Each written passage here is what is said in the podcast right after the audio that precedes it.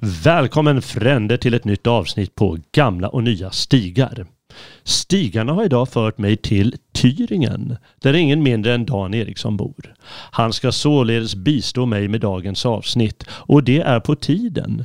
I somras tittade vi nämligen på en dokumentär från 2009 som heter Defamation och menade att vi eh, borde göra ett poddavsnitt om dokumentären som skildrar en del av det som den amerikanska statsvetaren Norman Finkelstein, eller Finkelstein kallar för förintelseindustrin. Och här sitter vi då äntligen, Dan och jag, redo att säga några väl valda ord om förintelseindustrin. Och med den introduktionen gjord vill jag välkomna Dan Eriksson till dagens vandring. Välkommen Dan! Tack så mycket Jalle och välkommen hem till mig. Ja, jag tänkte just fråga om det är du som ska välkomna mig egentligen. Vi sitter ju i din studio. Ja, vi får välkomna varandra helt enkelt. Ja, vi får göra det. Välkommen, välkommen. Och välkommen eh, som sagt eh, du som lyssnar. Vi hoppas att du ska tycka att det är intressant det här. Eh, och det var ju faktiskt din idé det här Dan, att, att just göra en sån, att se dokumentären och diskutera den. Vad var det du tänkte på det, i det ögonblicket? Men först när, jag vet inte varför vi kom in på det, men jag frågade om du hade sett den och det hade du inte. Mm. Och det, det gjorde mig ledsen. ja, du grät en skvätt. ja, men för det som har förvånat mig med den här dokumentären som du sa kom 2009, det är att den faktiskt har visats på SVT, eller åtminstone på SVT Play. Mm. Och det är ju väldigt underligt. Eh, visserligen är väl Israel-kritik en ganska vanlig del inom vänstern. Mm. Um, så det kan man tycka att det inte är så konstigt. Men jag menar att den här dokumentären också visar på andra problem än bara rent, ska man säga, som har med staten Israel att göra. Det, fin mm. det finns ganska komplexa problem här. Och så såg vi den tillsammans, eh, och då hade jag inte sett den på några år. Eh, och kände att det här, det här är någonting man borde prata om. För det finns psykologiska fenomen som visas upp i den här i den här dokumentären som eh, är ganska obehagliga faktiskt. Ja, väldigt obehagliga och faktiskt väldigt aktuella tycker jag. Eh, eh jag är ju ganska ointresserad av eh, den här folkspillran från Levanten eh, och jag håller aldrig på med sånt. Men, men i det här fallet tycker jag det var väldigt intressant just för att eh, förintelseindustrin och antisemitismindustrin som, jag håller med den här Finkelstein, jag tycker det är mycket välvalt ord för det, eh, med, med syftet att ingjuta skuld, den är väldigt intressant och väldigt eh, viktig att lägga fokus på, för det är ju en del av hela PK-ideologin och den är ju helt förhärskande fortfarande. Och eh, ja, därför tycker jag att det var väldigt viktigt och faktiskt inspirerande att se det här och se mekanismer bakom. Mm. Väldigt obehagliga som du säger, så det ska bli intressant. Mm. Men den här dokumentären, det är ju en, en judisk dokumentärfilmare mm. som gör den. Mm. Uh, och han börjar ju med att visa upp uh, att man pratar så mycket om antisemitism. Men vad är detta egentligen? Och är det folk, upplever folk verkligen antisemitism? För om man får tro uh, så som det lyfts fram i media och så vidare så kan man ju nästan få för sig att judar, var de än visar sig, så liksom ropas det glåpord eller de blir diskriminerade på något sätt eller illa behandlade och sådär. Mm. Uh, och han ger sig väl ut lite i en jakt på antisemitismen. Ja, ja precis. Jo, men det är väldigt roligt. Eh, eller, du, du skrattar ju, men det, det blir ju komiskt för han säger att han, han har aldrig stött på det där. Vad är, vad är det där antisemitismen? Ja, det är klart, Israel kanske inte, men för han är ju israelisk som du säger. Mm. Eh, utan, men, men i andra länder. Och vi kan bara säga det redan nu att han intervjuar den här Finkelstein mm. och de går ju runt där utanför hans eh, antingen bostad eller där han jobbar och går och, och bara Hello Holocaust, where are you? Where are you antisemitism? I can't see you. och eh, frågar Do you see the Holocaust coming when you look around you? Nej. Ja, han är ju uh, Finkelstein, eller Finkelstein som de hade sagt här i Tyskland. Uh, han är ju väldigt rolig på det sättet också. Han, har, han är ju och varför han har fått ett sånt genomslag tror jag, det är ju för att han är lite over the top. Han är ju liksom, men han gör ju en viktig poäng genom att överdriva det också. Det gör han. Och eh, det, tydligen har han varit med i kontroverser ända sedan början av hans akademiska äh, karriär. Så det är väl en del av hans karriär helt enkelt att ställa till det. Och det ska tilläggas att äh, den här Finkelstein, vi kommer beröra honom lite mer längre fram, han är ju han är mer eller mindre kommunist. Mm. Så det är inte så att man bara tycker att man ska svälja allt han säger alltid, för det kan ju vara, också vara misstänkt. Men, men just den här aspekten tycker jag är väldigt intressant och viktig. Att, att ja, prata om. Men vi ska väl säga då att eh, filmaren, han heter Joav Shamir. Hur det nu uttalas. Och eh, filmen är från 2009. När visades den eh, på SVT Play? Vet du det? Ganska kort därefter. Mm. Um, rätt tidigt. Um, och jag vet att vi talade om, om den i något väldigt tidigt avsnitt av Radio Framåt 2012 eller 2013 och då hade den redan försvunnit från SVT Play. Ja det hade den ja, precis. Ja. ja. Men den finns på YouTube och det finns den fortfarande och där kan man titta på den. Men med varnings, eh, eh varningssignal. Och eh, då säger jag på tyska här, för det var det jag fick upp det här. Der folgende Inhalt wurde von der YouTube-Community für einige Zielgruppen als unangemessen oder beleidigend eingestuft eingestuft. För junge oder sensible Zuschauer nicht geeignet. Kan du översätta det snäll? Det är alltså en triggervarning, triggervarning. Eh, som det brukar kallas numera. Ja. Alltså det följande innehållet har utav YouTube-gemenskapen eller YouTube-communityt eh, ansetts som eh, o vad säger, opassande eller till och med besvärande för eh, vissa målgrupper. Och för, eh, det här är inte då anpassat för yngre eller känsliga tittare. ja, jag vet inte. Det jag ser framför mig det är de här judiska skolungdomarna som åker till Auschwitz och kollar på läger. Är det det de syftar på eller är det något annat? Mm. Jag vet inte. Jag, jag, jag tror inte att um, de människor som, är, som profiterar på olika sätt från förintelseindustrin och antisemitismindustrin, eller antirasistindustrin generellt, mm, mm. de är nog inte jättenöjda med den här dokumentären. Det här är inget man vill att folk ska se i för stor utsträckning. Nej, det, det är det inte. Och det är ju en kritisk dokumentär, så man kan ju fatta att han har ju, sko, uh, han har ju sett ett problem om uh, antisemitism, man menar inte, inte, uh, inte finns eller om det märks så är det ju så bagatellartat att det bara är löjligt. Och då är det klart att den är kritisk till hans personliga omvärld. För det är ju, som han säger i den, dagligen i tidningarna i Israel. I alla fall 2009. Jag vet inte hur det är idag, men jag antar att det är lite samma sak fortfarande. Mm. Och han, han, har ju en rädsla där också, som jag tror också är befogad. Att om eh, judar eh, håller på på det här sättet och liksom skriker antisemitism så fort det är någonting som de tycker inte är helt perfekt för dem. Eh, eller till och med saker som inte ens har liksom, man bygger upp monster som inte finns, eh, så är ju risken att det istället då, alltså för judarna är det en risk att det istället då slår över i antisemitism. För att, man, för att eh, värdfolken där de lever eh, blir eh, helt enkelt trötta på att hela tiden bli utmålade som antisemiter.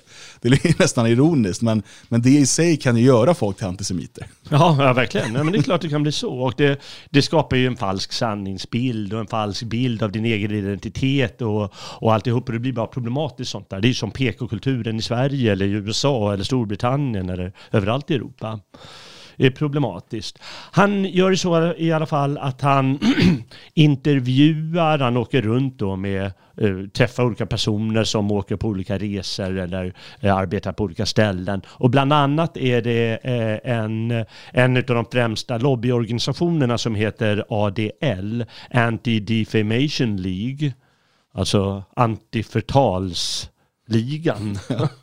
Fult namn men så heter de. Det är några skolungdomar, alltså israeliska skolungdomar som ska åka på Auschwitz-tur. Eh, eh, Jag höll på att säga på läger. Klingar lite illa. Eh, det ska de i alla fall göra. Det känner ju diverse lärare eh, i Sverige av att det brukar en hel del skolor också göra. Eh, han träffar lite ortodoxa judar för att se på deras syn på saken kring det här med antisemitism. Han är på en israelisk tidning och hör hur de arbetar. Eh, han är bland eh, eh, afrikaner och judar i New York, alltså en särskild stadsdel där de bor ganska många sida vid sida för att se deras olika syn på saken. Och så intervjuar han den här Finkelstein och en annan eh, eh jude, amerikansk eh, judisk eh, akademiker som heter Hersheimer, jag kommer inte ihåg förnamnet, och han och en kollega till honom som heter Walt tror jag, eh, de har också skrivit en kritisk bok eh, som heter den israeliska, eller den judiska lobbyn kanske den heter. Mm. Israel-lobbyn tror jag den heter. Ja, Israel-lobbyn, okej. Okay. Mm. Jag vet inte, jag tror inte den finns på svenska, eller gör den det? Nej, den blev lite diskuterad när den kom ut. Det blev ja. ju lite kontroverser kring det, men eh, jag vet inte om någon, om någon översatte den till svenska. Åtminstone inget av de stora förlagen. Det var inte Bonnier som gjorde det åtminstone. Nej, nej. Eh, eh Fink, Finkelsteins bok Förintelsindustrin, den kom ju till, eh, på svenska på Ordfronts förlag 2001. så den kan man säkert hitta på något antikvariat eller något liknande. Ja, men då, då går jag ner går igenom de här olika personerna eller intervjuar dem. Vi kan börja med den israeliska tidningen för det är ju närmast honom. Nej förresten, han intervjuar sin mormor först.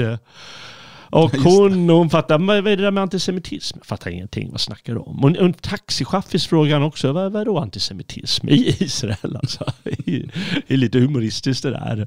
Och eh, de sa, hon mormor, hon sa, nej men jag, jag är ju äkta jude va? och jag känner inte till det där med antisemitism, det är bara trams. Och om de är så uppjagade, varför är de kvar, de där eh, judarna som inte bor i Israel? Jo, det är för att de är intresserade, de vill ha pengar och framgång och det känner de att de får där. Ja, då tycker hon att de är lite konstiga. Men hon är lite egensinnig mormor. Men, men, det är ju också en, en rimlig invändning. Eh, mot, alltså om det nu är så antisemitiskt i eh, västeuropeiska och nordamerikanska länder. Mm. Israel finns ju där. Eh, och, och, många judar i eh, Västeuropa och i Nordamerika eh, stödjer Israel och till och med liksom skickar ekonomiska bidrag till Israel och sådär. Mm. Så det är en rimlig fråga, om man nu vore så förföljd och utsatt för så mycket hat och hot, varför blir man kvar? Jag hade inte stannat. Nej. Nej, verkligen inte. Och han intervjuar ju de här ADL då vid flera tillfällen. Han följer då eh, en av dess ledare, eller kanske var ledaren då, jag kommer inte ihåg, på någon tur till Europa eh, bland annat och på deras kontor i New York och, och på olika håll. Och då är det faktiskt en eh, i en som jobbar där. Han förklarar hur de arbetar. Mm. Och han säger att de, de har en bred bas på pyramiden och den heter insults. Mm. Och längst där uppe finns genocide. Mm. Och det är liksom så de tänker, att alla insults det leder i sista hand till genocide. Precis. Och det här är en gammal modell som ADL har jobbat med väldigt, väldigt länge och som nu också har eh, fått stort inflytande i den här så kallade intersektionella rörelsen. Eh, mm. Bara för några år sedan, det här blev en, här, en sak som folk skrattade då på nätet och då var det, jag tror att det var någon typ av feminister som hade en sån här, de menar då att ja, men en blick på stan, mm. det är liksom det understa lagret i pyramiden. I slutändan leder det till våldtäkt. Just det.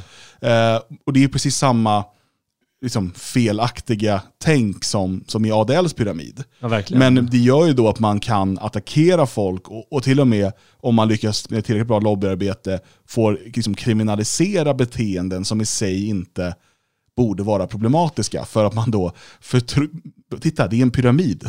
Ja. Detta är beviset att om man eh, förolämpar mm. en jude så kommer det leda till gaskammare. Ja. Liksom i slutändan. Ja. Eh, och Samtidigt som vi alla vet att ett, ett friskt och sunt samhälle behöver ha utrymme för förolämpningar och hö, högt tonläge och så vidare. Ja, det måste det ha. Det, och, det är självklart. Och framförallt så kan man inte ha en, en falsk syn på vad de är.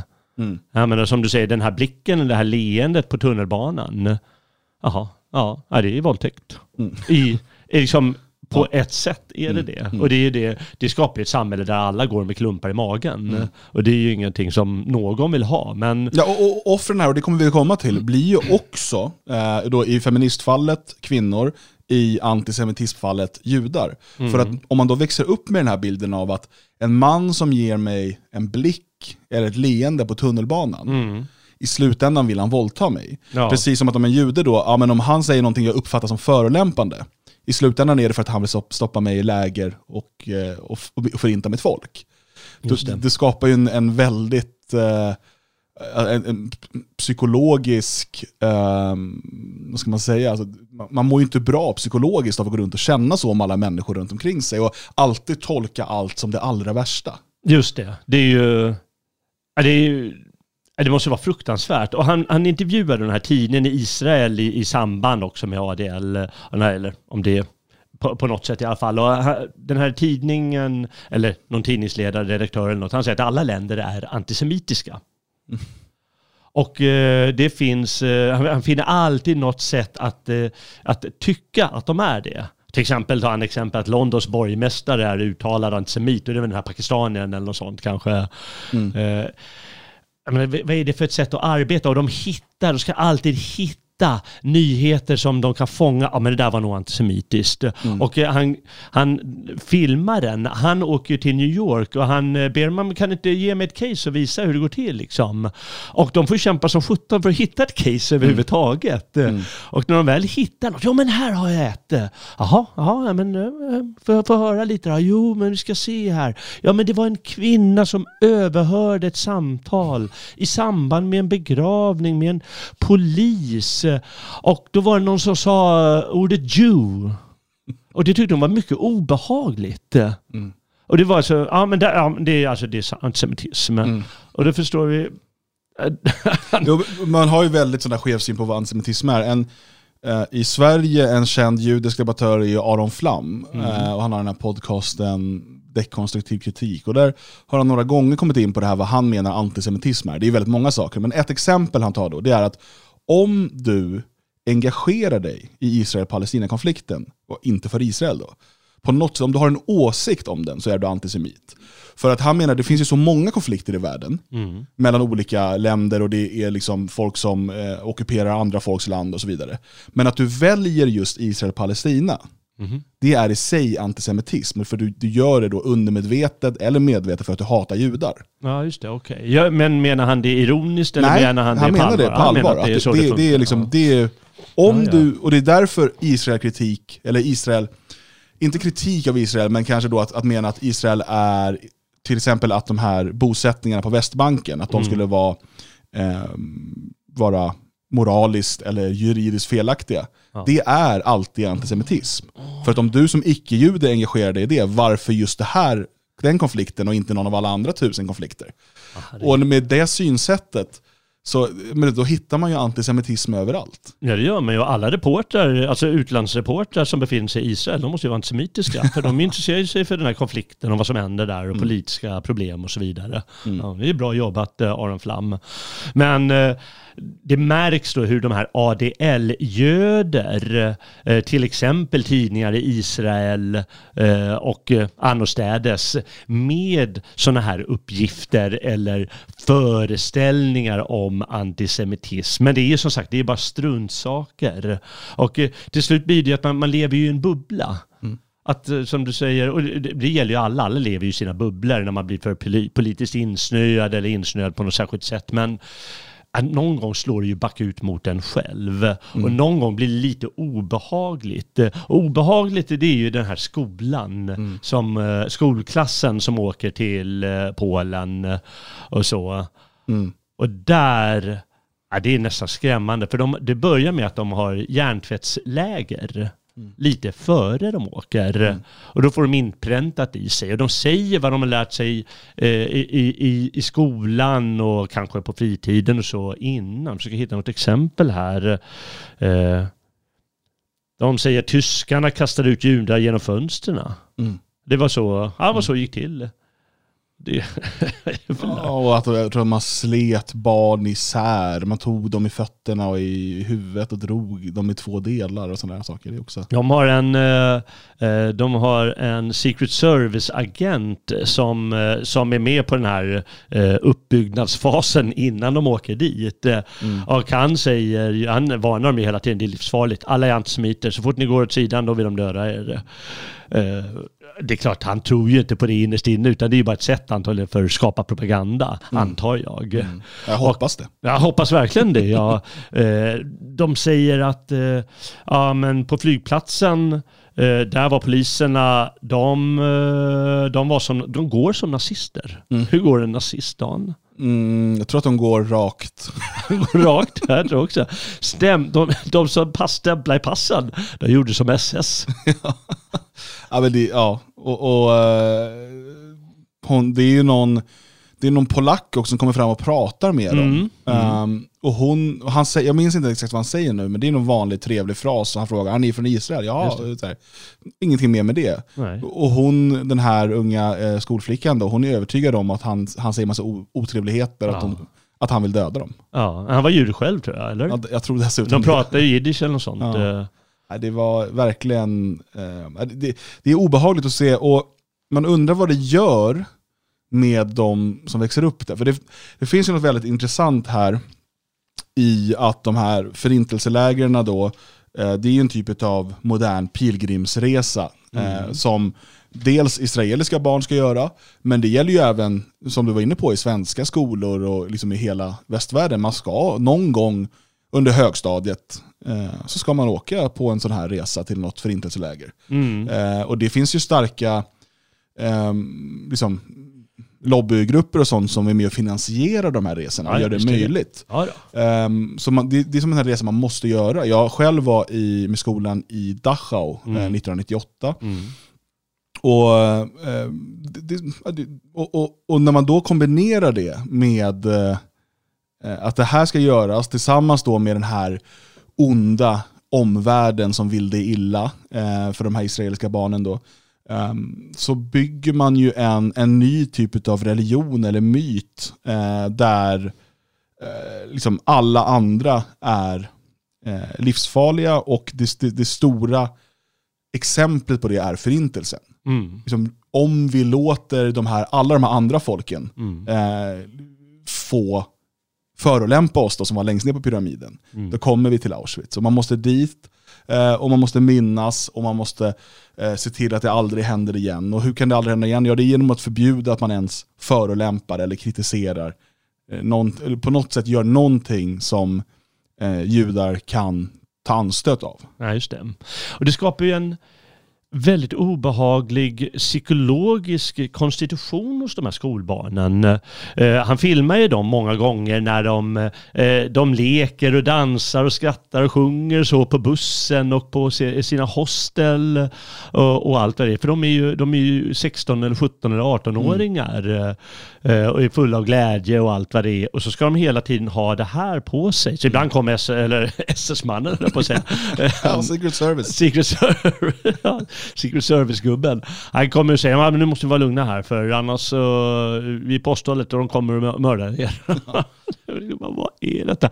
Och är en av flickorna, eller kanske de flera, och sitter i ångest för att säga att jag känner ingen skuld. Mm.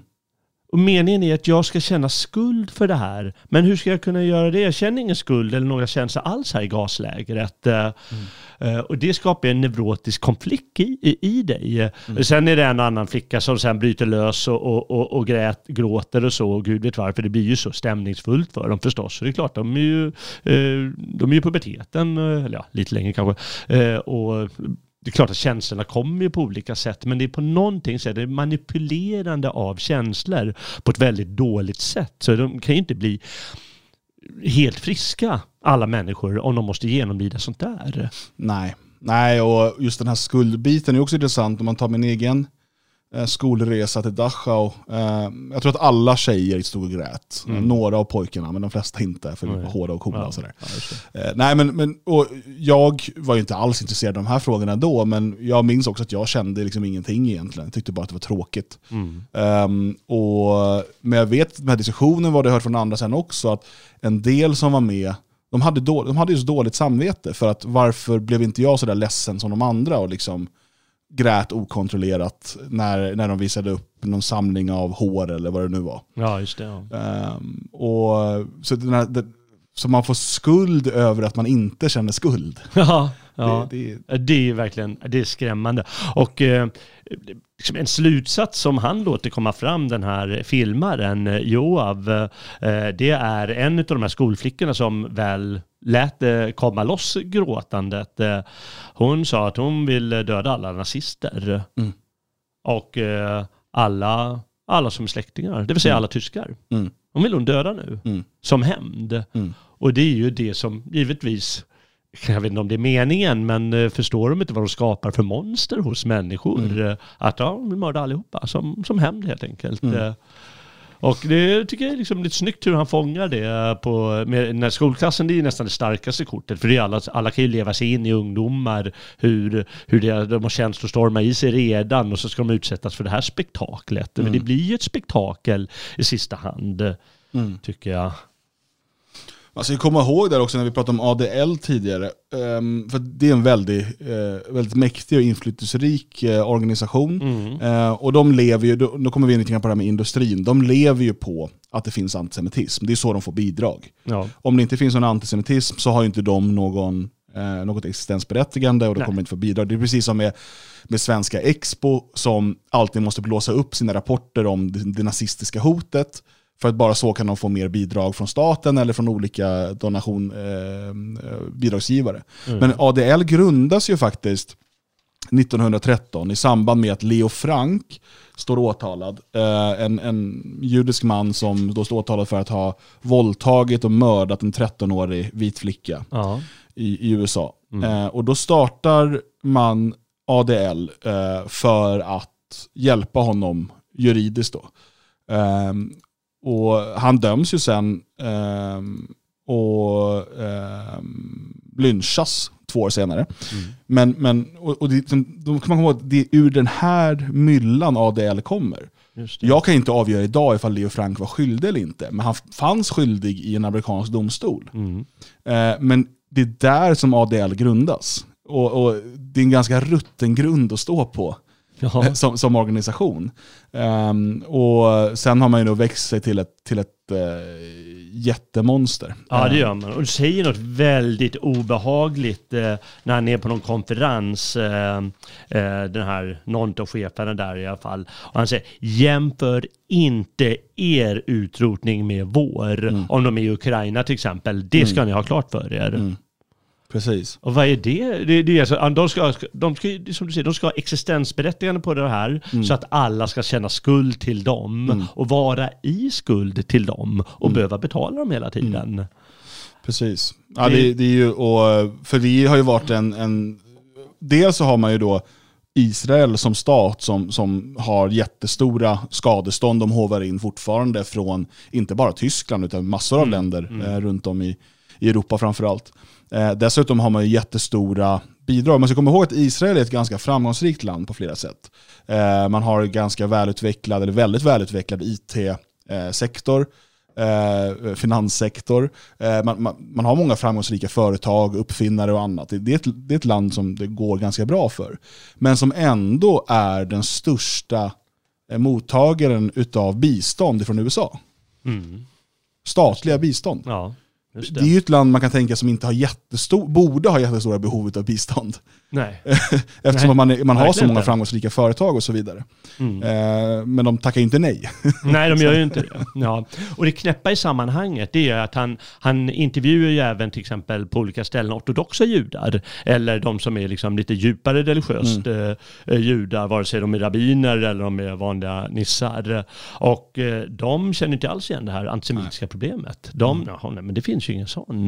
Det är ju helt ointressant. Och då är ju en slutsats att eh, Eh, eller två slutsatser. En sak är att eh, den här ADL, det är en av ADL-gubbarna, han säger we need to play on guilt. Mm. Det är då det ena. Och det andra är ju att eh, för de ateistiska judarna, då blir det ju eh, alltså identitetssökande i det här har det blivit att de, de hittar sin andlighet. Liksom den ortodoxa juden, han hittar ju sin i sin religion och, och allt vad judendomen nu kan innehålla, deras historia och så. Eh, medan eh, ADL-juden, eller ateistiska juden, han hittar det i antisemitism. Mm. Det blir ju hans eh, identitetssökande och hans, inte religion ska man säga, men liksom någon form av andlighet. Mm. Jag menar, hur knasigt är inte det? Nej, och det här är superintressant för att um, när vi talar om um, judiska, judiskt inflytande på olika sätt, um, vi kanske kommer in lite på Frankfurtskolan och det sen och så vidare, så handlar det nästan uteslutande om ateistiska judar. Mm. Uh, och det kanske låter, om man inte förstår riktigt judisk identitet sådär, så kanske det låter konstigt. Det är som att säga ateistisk kristen kanske man tänker, det kan man ju inte vara. Mm. Uh, det är för att den judiska identiteten är ju en, en etnoreligiös identitet, den är också mm. en etnisk identitet. Uh, så man kan vara en ateistisk jude. Um, och det är därför man skiljer på eh, ateistiska och religiösa judar. Det finns en bok som kom för några år sedan uh, som heter uh, Jewish Materialism. Um, som uh, handlar om vad man kallar den intellektuella revolutionen inom judendomen runt 1870 där, um, so, som, som också då eh, författaren som själv är jude, um, Stern heter han tror jag, alltså som stjärna på tyska.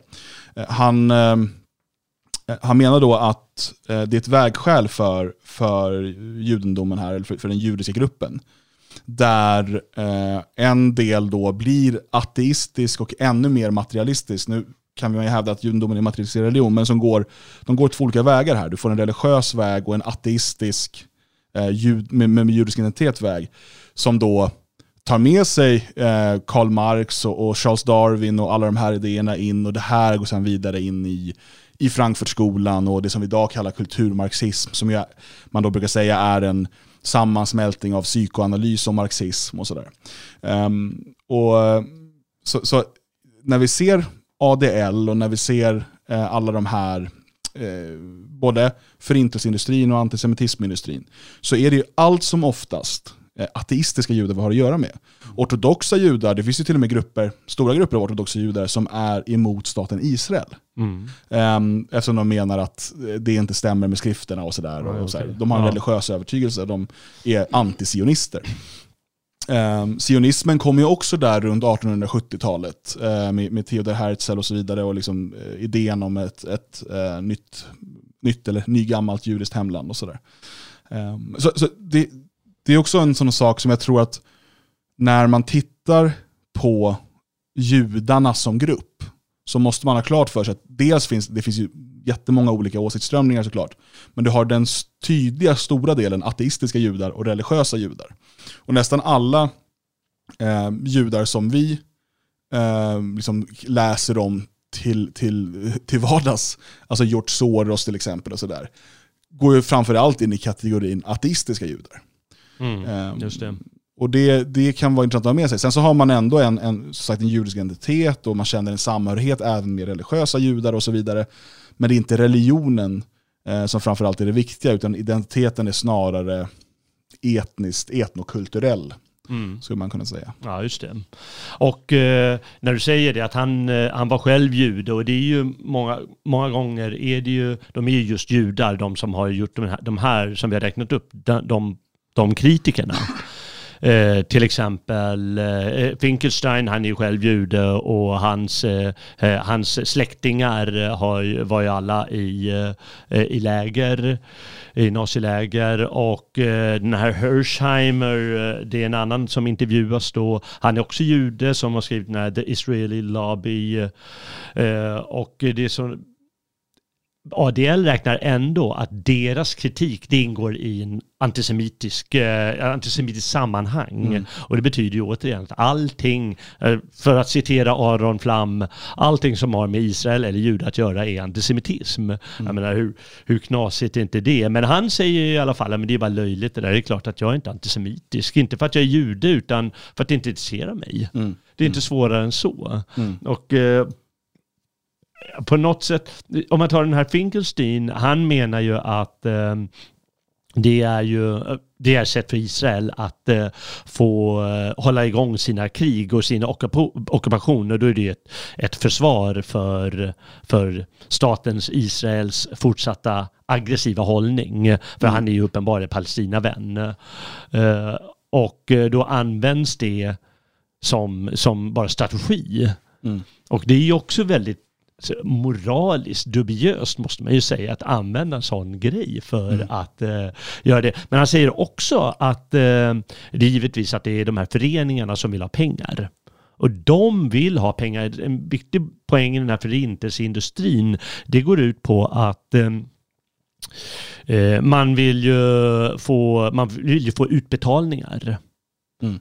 Och eh, då står det eh, på något ställe i boken till exempel att ja, men det här är helt knasigt för judar på 30-talet i Tyskland, de var inte särskilt rika. Mm. Ett fåtal var väl kanske det? Ja, ett fåtal, ja, ja precis. Men det kan man ju fatta, efter det är fortfarande mm. följden av första världskriget ja. vi lever. Det är klart att eh, alla, inte, inte, särskilt många hade inte en Dacia och ett eh, schweiziskt bankkonto. men ändå ska de gå stenhårt åt de schweiziska bankerna på, mm. och, och de för stora siffrorna. Alltså han säger någonstans 250 eh, 000 överlevande blir till en miljon eh, genom lite omjustering av siffrorna.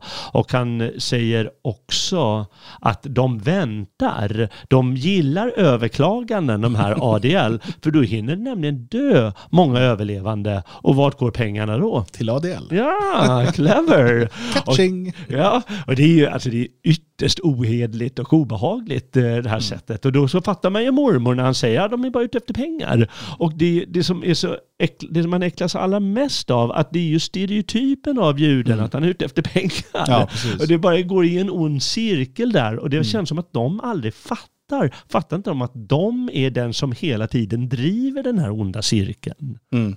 Ja, nej, verkligen. Och det kan ju också vara så just då för att vi har den här splittringen mellan ateistiska och religiösa judar, att i ett försök att eh, alltså man ersätter det tidigare religiösa med en ny religion, där som sagt förintelsen är en, en, en startpunkt nästan, det är ett år noll. Eh, och antisemitismen eh, är någon typ av evangelium. Eh, och, och den, är, den är nödvändig för liksom, den ateistiska judiska identiteten. Eh, och då är man tvungen att, man söker efter den överallt, precis som man kanske tidigare sökte överallt efter bevis på Guds existens, eller ett mm. meddelande från Gud och så vidare. Mm. Att antisemitismen blir den nya, den nya guden och, och eh, Auschwitz blir eh, den nya heliga staden på något sätt. Ja, ja verkligen.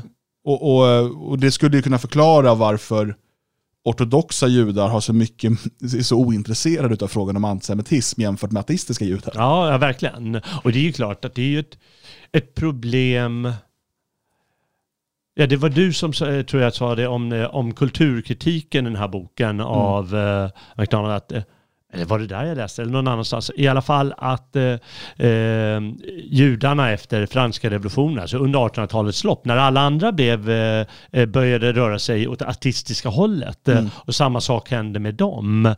att de blir på något sätt alienerade från, från sin grupptillhörighet som samtidigt är väldigt stark för mm. dem eh, och väldigt viktig, de här artistiska judarna. Och då eh, vad ska man säga, då skapas det här med, med, med psykoanalysen och, och Frankfurtskolan och mm. allting som blir ett angrepp. Psykoanalysen är kanske inte det, men, men Frankfurtskolan är ju då ett angrepp eh, mm. eh, mot eh, ja, hela västerlandet kan man säga. Mm. Och eh, på något sätt är det Visst, man kan ju säga att det finns en sån historisk rörelse nästan. Eh, men... Eh, jo, precis. Och, och det man tar upp om det är McDonalds som tar upp det eller om man citerar någon annan, men just det här med att eh, den intellektuella traditionen inom judendomen som alltid har varit stark och man har till och med sett till nästan eugeniskt, alltså mm. att man, man, man gifter sig eh, med andra intellektuella judar för att liksom producera bästa möjliga avkomma. Eh, men då har man ju tidigare då, fram till ja, men någonstans här i mitten av 1800-talet, den här boken Jewish Materialism pratar om 1870 som ett brytår, man kan nog säkert hitta lite spår tidigare. Eh, men hur man då går ifrån att eh, då använda den här intellektuella drivkraften inom religionen, att studera under en, en rabbin och, och liksom en, ett evigt lärande av de religiösa skrifterna och sådär, eh, till att istället gå in i akadem den akademiska världen. Eh, men man har fortfarande den här intellektuella traditionen och där någonstans eh, förlorar man grupptillhörigheten och eh, börjar istället då att attackera världen omkring sig på olika sätt, alltså normer och, och eh, strukturer och så vidare. Och Det sen då i sin tur får ju ett stort uppsving när Frankfurtskolans idéer blir väldigt uppskattade på 60 och 70-talet framförallt. Mm. Um, och det är mycket av det som vi som vi liksom idag lever under. När man, det är väldigt lätt idag att se liksom, problemen med så kallad identitetspolitik och med, med eh, sån här, eh, de kallar det intersektionalism och eh, tredje vågens feminism och allt vad de nu kallar det för. Genus, eh, trams och attacker på familjen på olika sätt. Men det kommer ju ur den här traditionen i Frankfurtskolan. Ja, eh, men det är viktigt. Jag menar, det, det här problemet som du nämnde här, att eh, det har blivit deras religion på något sätt. Eh, antisemitism, det, det, det är klart att det är tillspetsat, mm. men låt oss vara lite tillspetsade. Att antisemitismen blir liksom ett grundbult i den ateistiska judens religion. Det är ju någonting som är precis likadant i, i dagens Sverige till exempel, eller andra eh, väst, eh, västerländer, mm. västerländska länder. Och eh, jag eh, ska se här vad jag hade skrivit. Eh, jo, eh, ta det här med den vita mannens skuld, eller förintelsen liknande. I, i, I, dagens svenska skola vill man ju att de frågorna ska genomsyra hela skolväsendet. Mm. All undervisning. Och vad är någonting om det ska genomsyra eh, den helt vanliga eh, dagliga praktiken eller liksom den lärdomspraktiken annat än religion? Mm. Och det är ju där vi är idag. Mm att de, den känslan som ADL vill framkalla, det är det som är vår religion enligt våra styrande. Mm. Och vi har ju då eh, sedan slutet av 90-talet då Göran Persson eh, drog igång Förintelseprojektet. Eh, om, om detta må ni berätta. Ett riktigt spektakel. Och jag som lärare har ju jättestora problem med det där. Mm. För det stjäl ju min historietid. Mm. Jag ska ägna stora projekt åt sånt där. Mm. Och det har jag alltid försökt kämpa mot och det är jättesvårt. För vad blir man då? Jo, man blir antisemit och man blir rasist och det här är ju jätteviktigt. Mm. Ja, men jag har väldigt många viktiga saker jag ska tala om för dig. Mm. Och det är inte så att de bjuder på tid direkt, eh, politikerna, våra kommunalpolitiker. Tvärtom så drar de ner samtidigt som ska skyffla in de här dåraktiga projekten. Mm. För det är ju det. Vi har ju mm. sett de här eh, skolungdomarna i Israel. Ska vi göra likadant hos oss? Nej, Nej självklart inte. Utan Eh, om man ser till exempel um, historieämnet i skolan, jag ser ju det, dels så ska man ju få någon typ av bred uh, kunskapsbas. Uh, men sen tycker för mig personligen, jag tycker det skulle vara viktigt också med identitetsbyggande eh, historiekunskap. Mm. Alltså, och då ser man ju hur man då nu i svensk historieundervisning döp, döper om eh, stormaktstiden till Östersjöväldet och så vidare. Mm. Eh, samtidigt som mer fokus ska läggas på andra världskriget och antisemitism och förintelsen. Mm. Eh, och jag, menar, jag gick i skolan på jag började, började skolan 89, gick till 98 i grundskolan. Då. Um, och redan då, så som jag minns det, var det väldigt mycket om andra världskriget redan då. Ja. Jag, kan inte, jag kan tänka mig att det är ännu mer nu. Ja, det, det, det går lite olika. Du vet, man, som, som lärare eller någonting, man kan inte följa alla, alla önskemål och förordningar och så. Man, folk Mm. Jag, jag, känner ju lärare, vet ju hur de gör liksom. Mm. kan ju, ah, jag fastnade i antiken. jag har en släkting, en släkting som är historielärare på högstadiet. Uh, och hon är ju, alltså, det är ju, när jag kollar hennes bokhylla. Mm. Alltså, hon är så historielärare, men jag skulle säga att två tredjedelar har med andra världskriget och förintelsen att göra. Ja, det är ju skrämmande. De, får, de kanske får de där böckerna. Nej men det är väldigt skrämmande och det sätter sig på hela historieskrivningen kan man säga.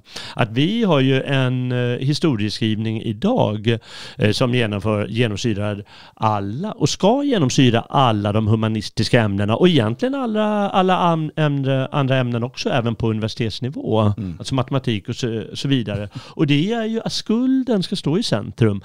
Antisemitism ska stå i centrum. Förintelse, neo, uh, neokolonialism, nazismen eller eh, vad, vad, vad, var det för ord du har? Intersektionalitet, mm. feminism.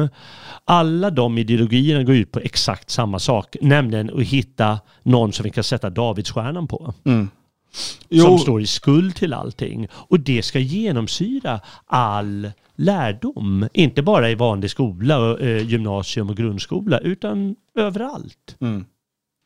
Men, och, och, det är ju här eh, det som när, när eh, eh, professor McDonald då här i kritikkulturen, att han kallar det för just kritikkulturen, det är just den här kritiska blicken och nedmonterandet av allt som tidigare varit självklart sunt och naturligt i västerländska samhällen. Mm, mm. Eh, I dagsläget så skulle jag säga att det vi ser framförallt, förutom attack på olika typer av vit identitet, alltså svensk identitet eller tysk identitet eller så, så är det ju familjen eh, mm. som man attackerar på olika sätt. Mm. Eh, och det här nu går mer och mer över till att helt attackera uppfattningen om kön. Um, och, och därför så är ju, alltså begreppet, att kalla det för, och, och, uh, McDonald argumenterar ju också då för att just för att eh, judar lämnar den eh, liksom religiösa banan och istället eh, går in i, i den akademiska världen, eh, så använder man, alltså den här kritikkulturen då, används då för att montera ner ehm, strukturerna runt omkring en. Ja, jo, men det gör det ju. Egentligen, jag menar, det är vi väl bra på själva också kan man väl säga. Det finns ju som, det finns väl inbyggt egentligen i alla kulturer. Eh, jag menar, annars skulle de ju vara muslimer som de var på 1600-talet fortfarande i eh, Irak eller så. Eh, liksom vi inte är det så är inte de det där. Mm. Men det är extra prekärt här. Och det är lite, lite extra smutsigt tycker jag när det ska kopplas till sådana här frågor hela tiden som är icke-frågor tydligen. Mm. Och som ska bankas in. Det tycker jag är väldigt obehagligt. Hade du någonting du ville läsa där? Nej, jag bara tycker det är intressant. Det finns ju, om man uh, är intresserad av de här frågorna och inte har problem att läsa akademisk, uh, akademiska avhandlingar och sådär, så är ju kritikkulturen uh, faktiskt väldigt intressant. Um, och man kan med, utan problem liksom, man behöver inte läsa den från perm till perm, utan man kan slå upp på de mm -hmm. delar man tycker är okay. intressant. Och sådär. Ja. Eh, men det här är ganska intressant, för då, när vi pratar om Frankfurtskolan så pratar, det finns ju en, en massa eh, kända namn därifrån. Två av dem är ju då Horkheimer och Adorno. Mm. Och han skriver här också, jag tycker det är rätt intressant. Eh, Horkheimer och Adorno framkastar att den moderna fascismen i grund och botten är detsamma som den traditionella kristendomen, eftersom båda innebär motsättning till och underkuvande av naturen medan judendomen förblev en citat naturlig religion slutcitat, som ägnade sig åt nationens liv och självbevarelse inriktade sig kristendomen på att behärska och förkasta allt naturligt. Med ett argument som påminner om Freuds i Moses och monoteismen sägs den religiösa antisemitismen eh, sedan uppstå på grund av deras hat, citat, som inte genomförde det dystra offret av förnuftet Anhängarna av faderns religion hatas av de som stödjer sonens religion.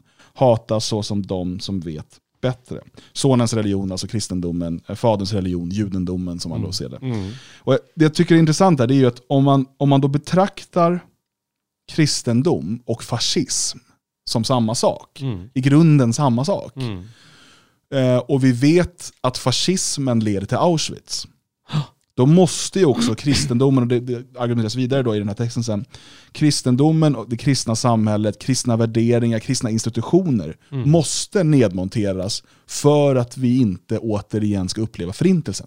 Ja, just det. Ja, ja det är så de tänker. Det är jätte, men jag är inte så jag är inte, jag, alltså jag gillar ju, jag gillar ju sån här kritik själv. Jag tycker det är mm. intressant. Mm. Eh, man kan ju inte hjälpa, man är ju tänkare liksom. Mm. Och man har ju ett kritiskt sinnelag så det är ju spännande på många sätt. Men slutsatserna när man, när man börjar dra dem, då inser man att det är någonting som är skevt här.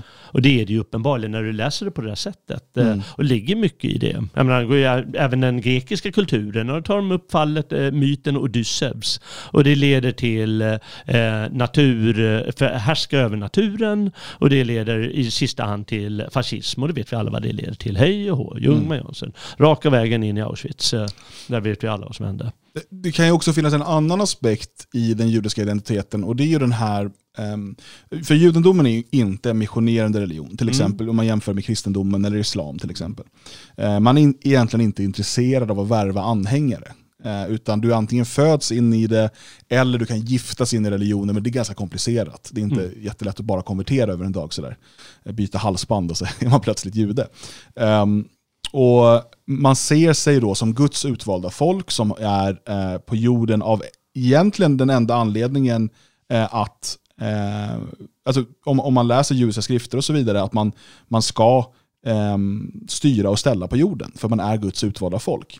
Och om man har den synen på sig själva, om man då jämför med kristendomen, och nu är ju ingen av oss två liksom, troende kristen, men vi är ändå uppvuxna i en kristen kultur. Men den, om man ser på kristendomen som snarare då har försökt att vi, kolla, vi har sanningen, vi vet, eh, vi vet det här om, om Gud och, och, du måste, om du blir en del av oss så kommer du också komma till himlen och så vidare.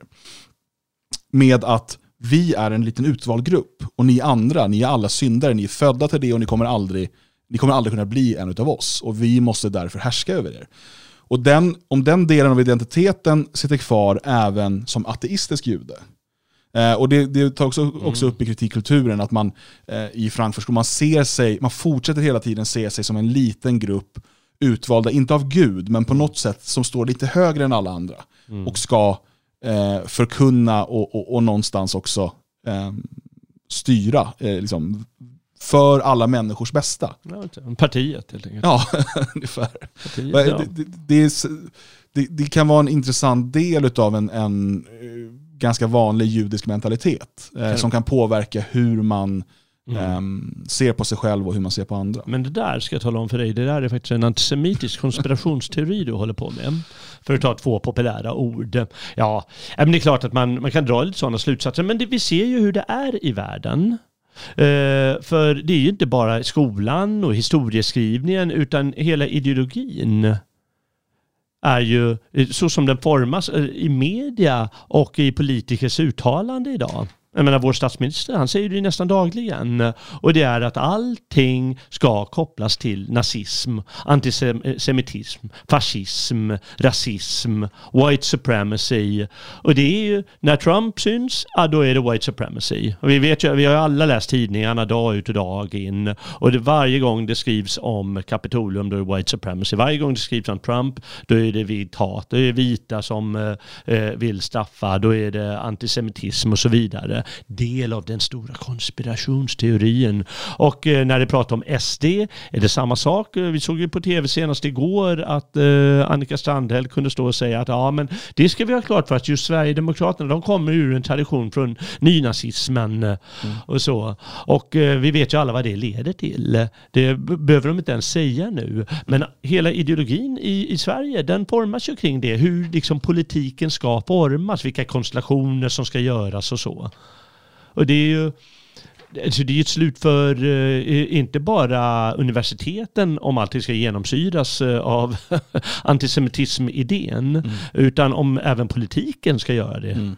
Ja, men det är ju, det är ju godnatt och vi kan lika gärna dra ner rullgardinen. Mm. Det är ju helt och, och, ointressant allt som görs. Precis, och då kan man koppla det till den här nya religionen då med, eh, och där då Adolf Hitler är väl då djävulen på något sätt. Ja, han, är, han är ondskan då mm. personifierad.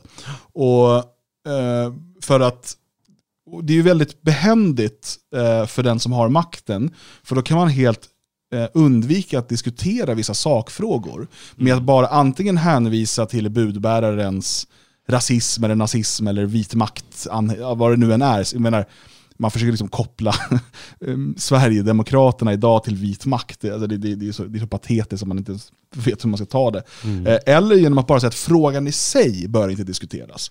Jag vet inte om du minns det här eh, debattprogrammet på Sveriges Television för ett tiotal år sedan som hade då eh, de hade eh, frågeställningen hur mycket invandring tål Sverige? Ja, just det, och det blev världens liv. Hur kan man ens ställa en sån fråga?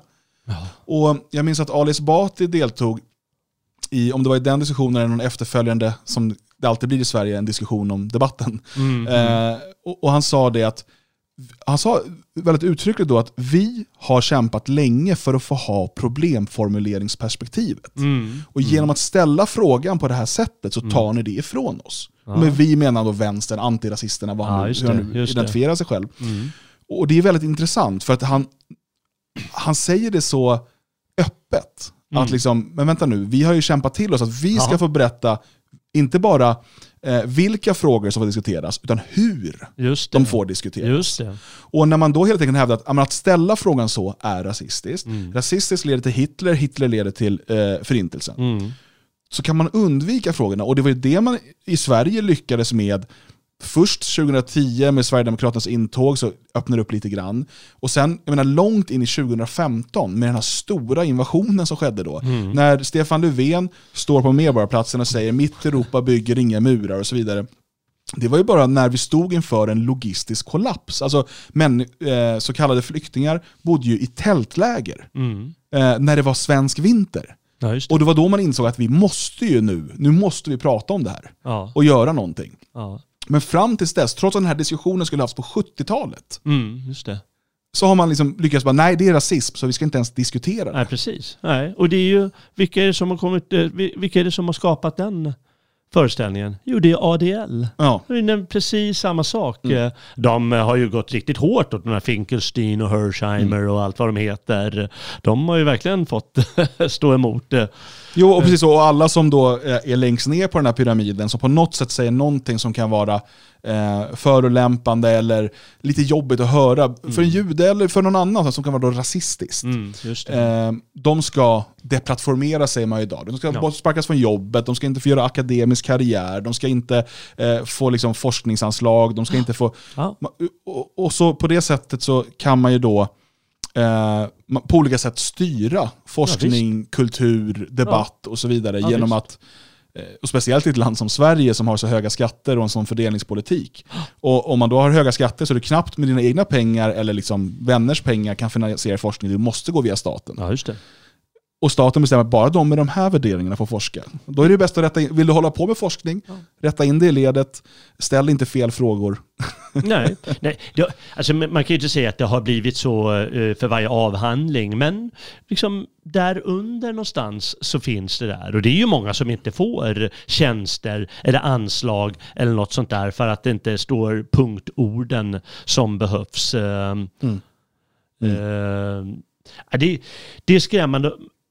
Du sa, eh, intressant eh, tycker jag, när du sa om det här med hi- historieundervisningen, att ett gigantiskt problem med det här, och det är ju det som, är, återigen, som vi sa från början, gör det hela så obehagligt, det är ju att ja, men vi ska vältra oss i skit. Mm.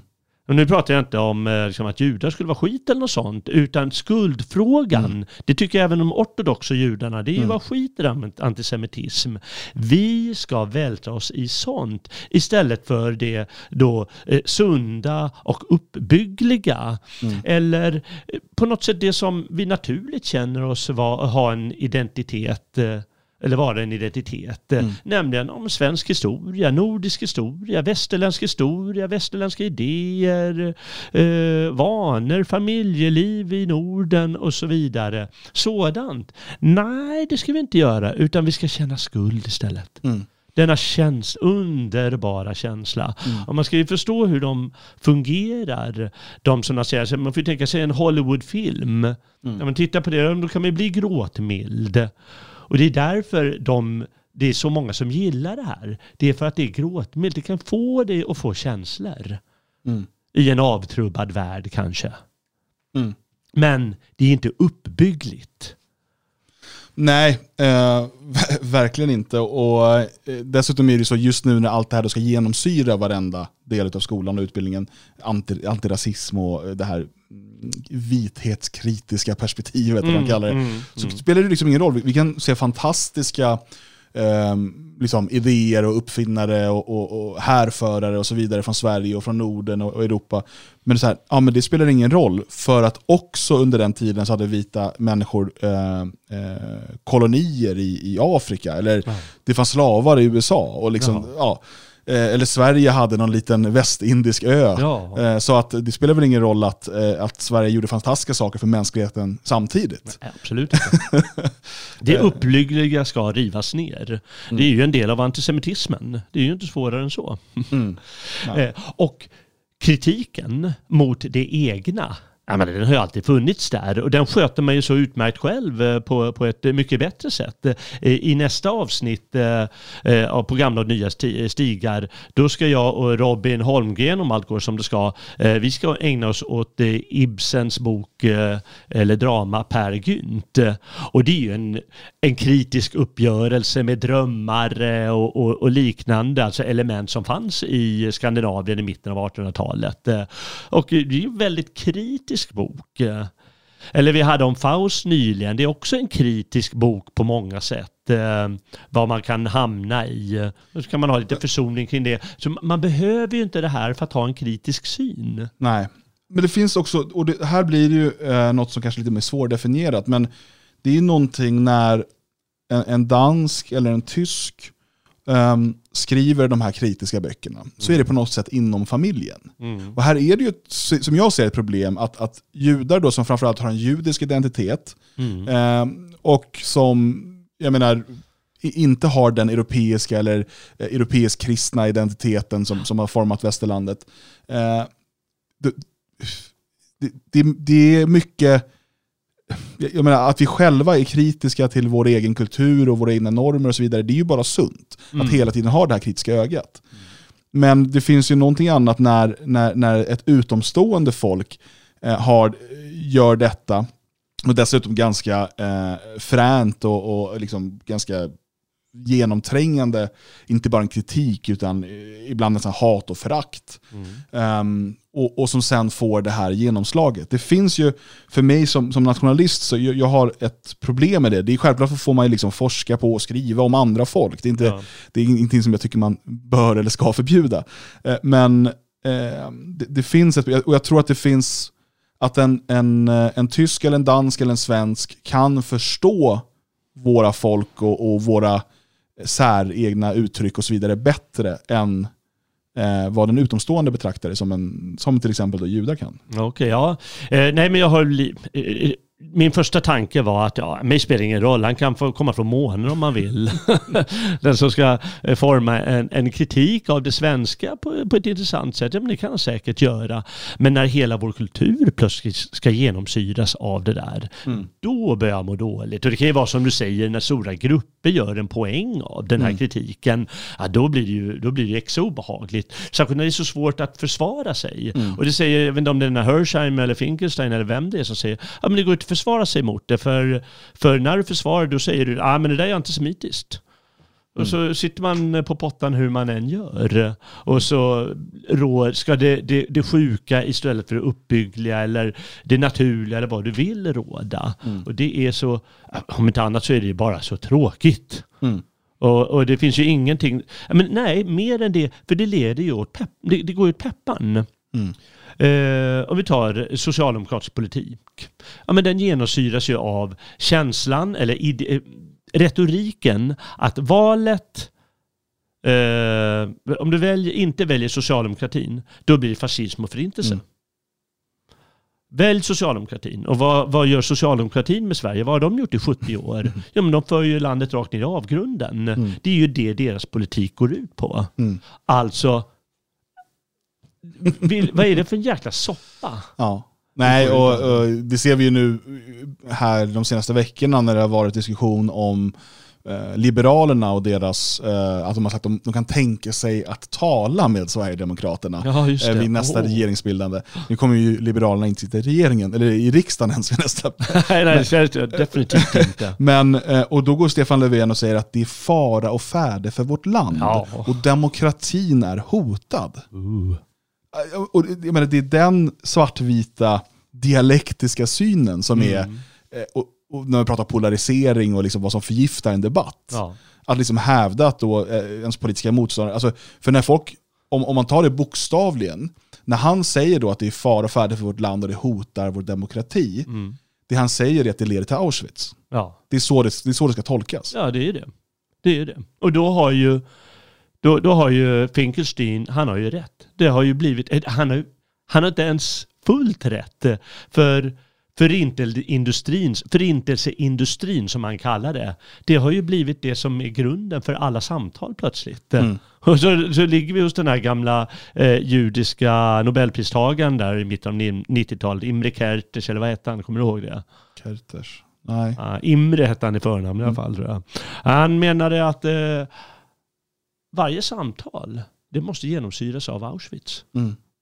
Jag tror, var inte, jag tror Adorno sa också att efter Auschwitz kan, kan man Nej, inte längre skriva dikter eller något sånt. Ah, det, ja, sådana grejer. Ja. ja. det är också... ja, men det, är, det blir bara löjligt alltihop. Det, det, det blir så tråkigt och det blir så dumt och det gör ju att man eh, försvarar eh, dålig politik, mm. farlig politik eller kanske aggressiv politik eh, som är, är Finkelsteins eh, eh, anklagelse mot eh, Israel mm. och då eh, antisemitismlobbyn. Mm. Att det, det kommer ju inte gott av det här. De säger att det är, det, det är så gott det vi säger, men det gör ju inte det. Mm. Ja. Ja. Um, ja, vi har ju pratat om tre böcker här, jag kan bara, så vi kan ta dem igen, för det är ofta, jag vet att folk brukar fråga sen, vad var det för böcker ni pratade om? Ja, okay, ja. Uh, så det är då Kevin McDonalds Kritikkulturen, som går igenom uh, judiskt inflytande i den akademiska världen och i kulturen. Uh, och sen har vi då Norman Finkelsteins Förintelseindustrin.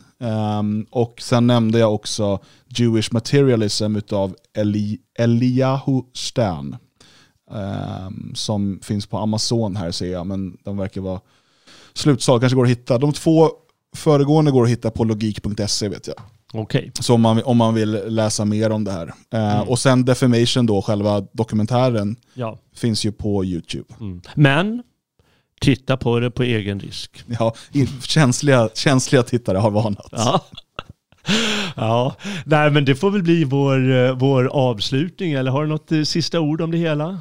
Nej, jag, jag, tror att det här kan vara en bra, en bra introduktion till att fundera kring de här frågorna och eh, försöka också belysa det här lite från ett annat perspektiv eh, när det gäller judiskt inflytande och framförallt eh, den här antisemitism och förintelseindustrin och hur den påverkar allt idag. Så att, ja. eh, jag uppmanar människor att eh, Ja, gör som Frankfurtskolan, var kritiska.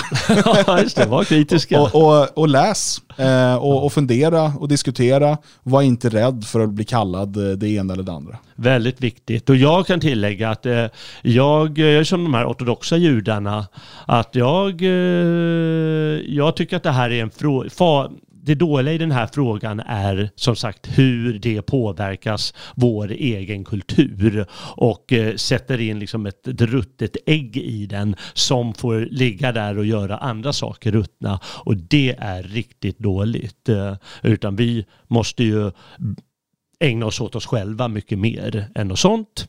Så nej, som sagt, var inte rädd för att diskutera det här på nästa middag. Bra sagt Dan. Och eh, ja, då får vi väl avsluta här genom att tacka dig som lyssnar. Eh, eh, kanske Dan kommer tillbaka i något eh, annat program framöver. Vi får väl se. Nästa gång, då är det som sagt meningen att jag och Robin Holmgren ska ägna oss åt eh, Henrik Ibsens läsdrama eller långa dikt Per Gynt. Eh, väldigt eh, knasig och rolig och eh, intressant och spännande eh, grej från mitten av 1800-talet. Eh, uppmanar alla att eh, komma tillbaka på stigarna då här på gamla och nya tider. Eh, ny, gamla och nya stigar heter det va?